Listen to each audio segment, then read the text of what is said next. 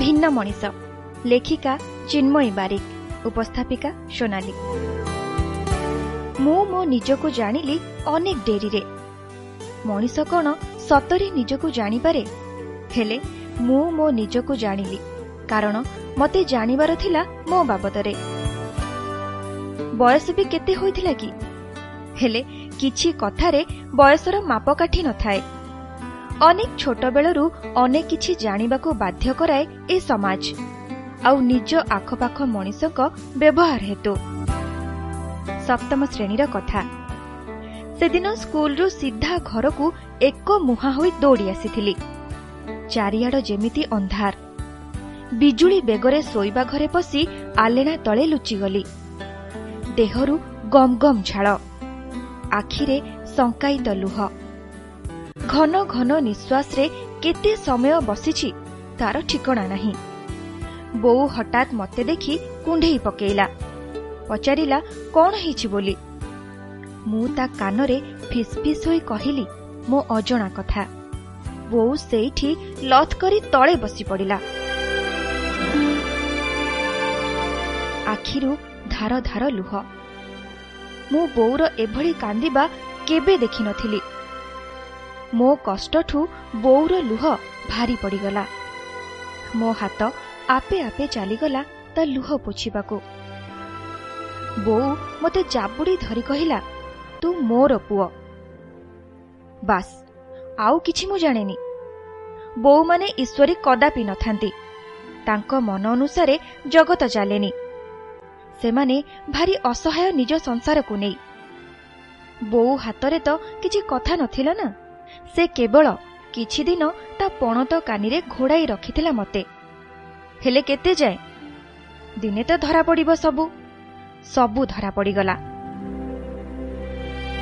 ଧରା ପଡ଼ିଗଲା। ମୁଁ ଏକ ଭିନ୍ନ ମଣିଷ। ନା ନାରୀରେ ଗଣା ହେଉଥିଲି ନା ପୁରୁଷରେ। ଯାହାକୁ ଚଳଣି ଶବ୍ଦରେ ହିଞ୍ଜଡ଼ା କୁହାଯାଉଥିଲା। ସ୍କୁଲର ଗୋଟେ ବଡ଼ ପିଲା ମୋତେ ଜଣେଇ ଦେଇଥିଲା ଯେ ମୁଁ ଗୋଟେ ହିଞ୍ଜଡ଼ା ବୋଲି। ଆକାଶ ଫାଟି ପଡ଼ିଥିଲା। ଆଉ ତା ଭିତରେ ମୋର ସବୁ ସ୍ୱପ୍ନ ଧୂମାୟିତ ହୋଇ ଉପରକୁ ଉଠି ଯାଉଥିଲା। ମୁଁ କିଛି କରିପାରୁନଥିଲି। ଛୋଟ ଛୋଟ ହାତ ଗୋଡ଼ ମୋର ଖାଲି ଛଟପଟ ହେଉଥିଲା। ମୋ ଆଖି ବି ଝାପ୍ସା ହେଉଥିଲା। ଘଣ୍ଟା ଘଣ୍ଟା ବସୁଥିଲି ପୋଖରୀ କୂଳରେ। ଏବେ ବୁଝିପାରୁଥିଲି ବାପା କାହିଁକି ମୋତେ କୌଣସି ସମ୍ପର୍କୀୟଙ୍କ ଘରକୁ ନିଅନ୍ତିନି? ସାନ ଭାଇ କାହିଁକି ବାପାଙ୍କର ଏତେ ପ୍ରିୟ? ଦୁନିଆ କହିଲେ ବୋଉର ପଣତକାନି ବୋଲି ଯାହା ବୁଝୁଥିଲି।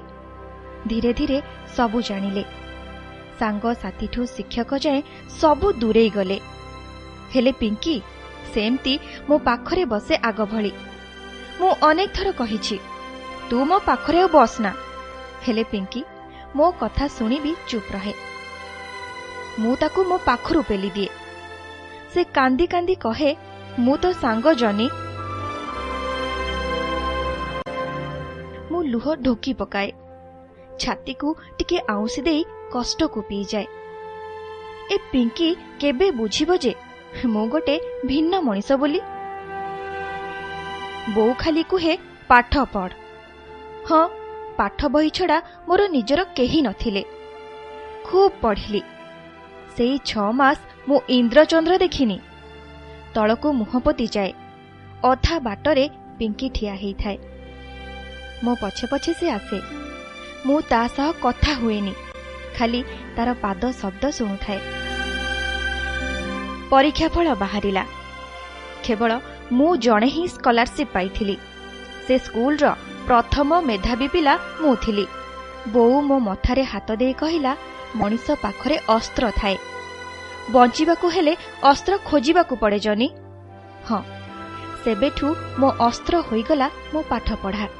ମୁଁ ପୁଣି ସମସ୍ତଙ୍କର ପ୍ରିୟ ହେଇଗଲି। ମ୍ୟାଟ୍ରିକ୍ରେ ଭଲ ନମ୍ବର ରଖି ପାସ୍ କଲି।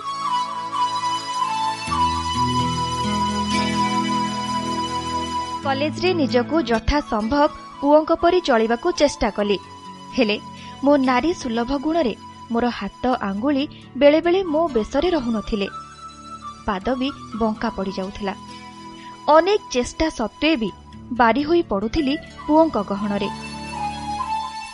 କିଛି ଦୁଷ୍ଟ ପିଲା ବଦମାସିରେ ବେଳେବେଳେ ମୋ ଛାତିରେ ପିଚାରେ ହାତ ମାରି ଚାଲି ଯାଉଥିଲେ ମୁଁ ଦାନ୍ତ କାମୁଡ଼ି ରହୁଥିଲି। ପ୍ଲସ୍ ଟୁରେ ବାପା କହିଲେ ଆଉ ପଢ଼େଇ ପାରିବେନି। ସାନ ଭାଇର ପଢ଼ାକୁ ଦେଖିବାକୁ ହେବ। ଘରର ମୁଁ ଗୋଟେ ବୋଝ ବୋଲି କହିଲେ।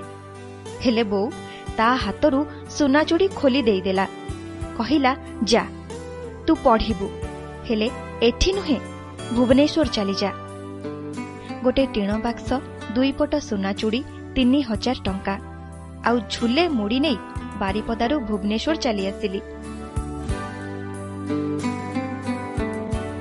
ବାଟରେ ପିଙ୍କିକୁ ଦେଖିଲି। ଗଛମୂଳେ ଠିଆ ହୋଇ କାନ୍ଦୁଥିଲା। ତାକୁ ରାଗରେ କହିଲି ଛାଡ ହିଞ୍ଜିଡ଼ାଟା ଲାଗି ତୋ ଆଖିରେ ଲୁହ କାହିଁକି ଶୁଣେ? ସେ ସମ୍ଭାଳି ପାରିଲାନି। ଭୋ ଭୋ ହୋଇ କାନ୍ଦିଲା ମୋତେ କୁଣ୍ଢେଇ ପକାଇ। ମୁଁ ବି କାନ୍ଦିଲି ମୁଁ ବି କାନ୍ଦିଲି ବହେ ଆଉ ବିଦାୟ ନେଲି। କଲେଜରେ ନାଁ ଲେଖାଇଲି ଆଉ ତା ସହ ପାର୍ଟ ଟାଇମ୍ କାମ କଲି। ଦିନରେ ଓଳିଏ ଭାତ ଆଉ ରାତିରେ ମୁଢି ପାଣି ଖାଇ ଶୁଏ। ଚାଲି ଚାଲି କଲେଜ ଆଉ ସେଠୁ ସନ୍ଧ୍ୟାକାଳୀନ ପାର୍ଟ ଟାଇମ୍ କାମକୁ ଯାଉଥିଲି। ୟା ଭିତରେ ମୋର ଏମ୍ଏ ସରିଯାଇଥିଲା। ଗୋଟିଏ କମ୍ପାନୀରେ ପନ୍ଦର ହଜାର ଟଙ୍କାରେ କାମ କଲି। ହେଲେ ସେ ଯେବେ ଜାଣିଲେ ମୋ କଥା ମୋତେ ଚାକିରିରୁ କାଢ଼ିଦେଲେ। ଚାକିରି ଖୋଜି ନୟାନ୍ତ ହୋଇ ଷ୍ଟେସନରେ ବସିଥିଲି। ଗୋଟେ ହିଞ୍ଜଡ଼ା ଗୋଷ୍ଠୀ ମୋତେ ପ୍ରଲୋଭନ ଦେଖାଇଲେ ତାଙ୍କ ଦଳରେ ରହିବାକୁ। ମୁଁ ଦୌଡ଼ି ପଳେଇ ଆସିଲି। ଅନେକ ଚିନ୍ତା କଲି। ନିଜକୁ ଲୁଚାଇ ମଧ୍ୟ ମୁଁ ନିଜକୁ ଲୁଚାଇ ପାରୁନି। ତେବେ ନିଜକୁ ସମ୍ପୂର୍ଣ୍ଣ ଖୋଲିଦେଲେ ଅସୁବିଧା କ'ଣ? ଛାତିକୁ ପଥର କଲି। ଗୋଟେ କାଠ ଗୋଦାମରେ ମୋତେ କାମ ମିଳିଗଲା। କାଠ ସପ୍ଲାଏ କରିବାକୁ ଗଲେ ମାଲିକଙ୍କଠାରୁ ଖୁସିରେ କିଛି ପଇସା ମିଳିଯାଏ। କଲିକତାରେ ଗୋଟେ କାଠ ମାଲିକ ମୋ କଥା ଶୁଣି ମୋତେ ସାହାଯ୍ୟ କରିବାକୁ ବାହାରିଲେ। ମୁଁ ତାଙ୍କ ସହାୟତାରେ ସେକ୍ସ ଚେଞ୍ଜ କରି ନାରୀ ପାଲଟିଗଲି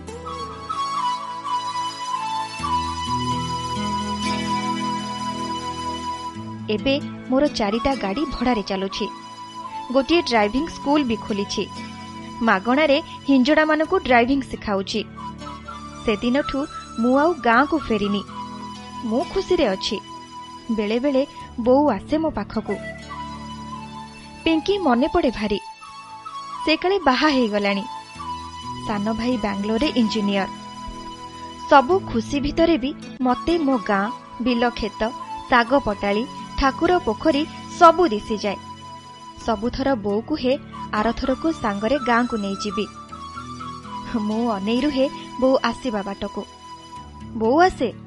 ହେଲେ ଜାଣିପାରେ ବୋଉ ମତେ ସାଙ୍ଗରେ ଗାଁକୁ କାହିଁକି ନିଏନି।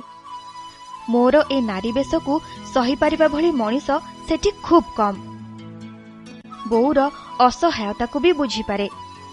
ବୋଉକୁ ପୁରୀ କୋଣାର୍କ ମୋ ଗାଡ଼ିରେ ବସି ବୁଲେଇ ନିଏ। ମୁଁ ଗାଡ଼ି ଚଲାଇଲା ବେଳେ ବୋଉ ମତେ ଦେଖି ଆଖିରୁ ଲୁହ ପୋଛେ। ଏବେ ବି ମୁଁ ଜଣେ ଭୁବନେଶ୍ୱରରେ ଭଡ଼ା ଗାଡ଼ି ଚାଳକ। କେବେ ଯଦି ଦେଖା ହୁଏ ଚିହ୍ନିବେ ତ ଆପଣମାନେ। ମୁଁ ଏବେ ଜନିରୁ ଜାହ୍ନବୀ ପାଲଟି ଯାଇଛି।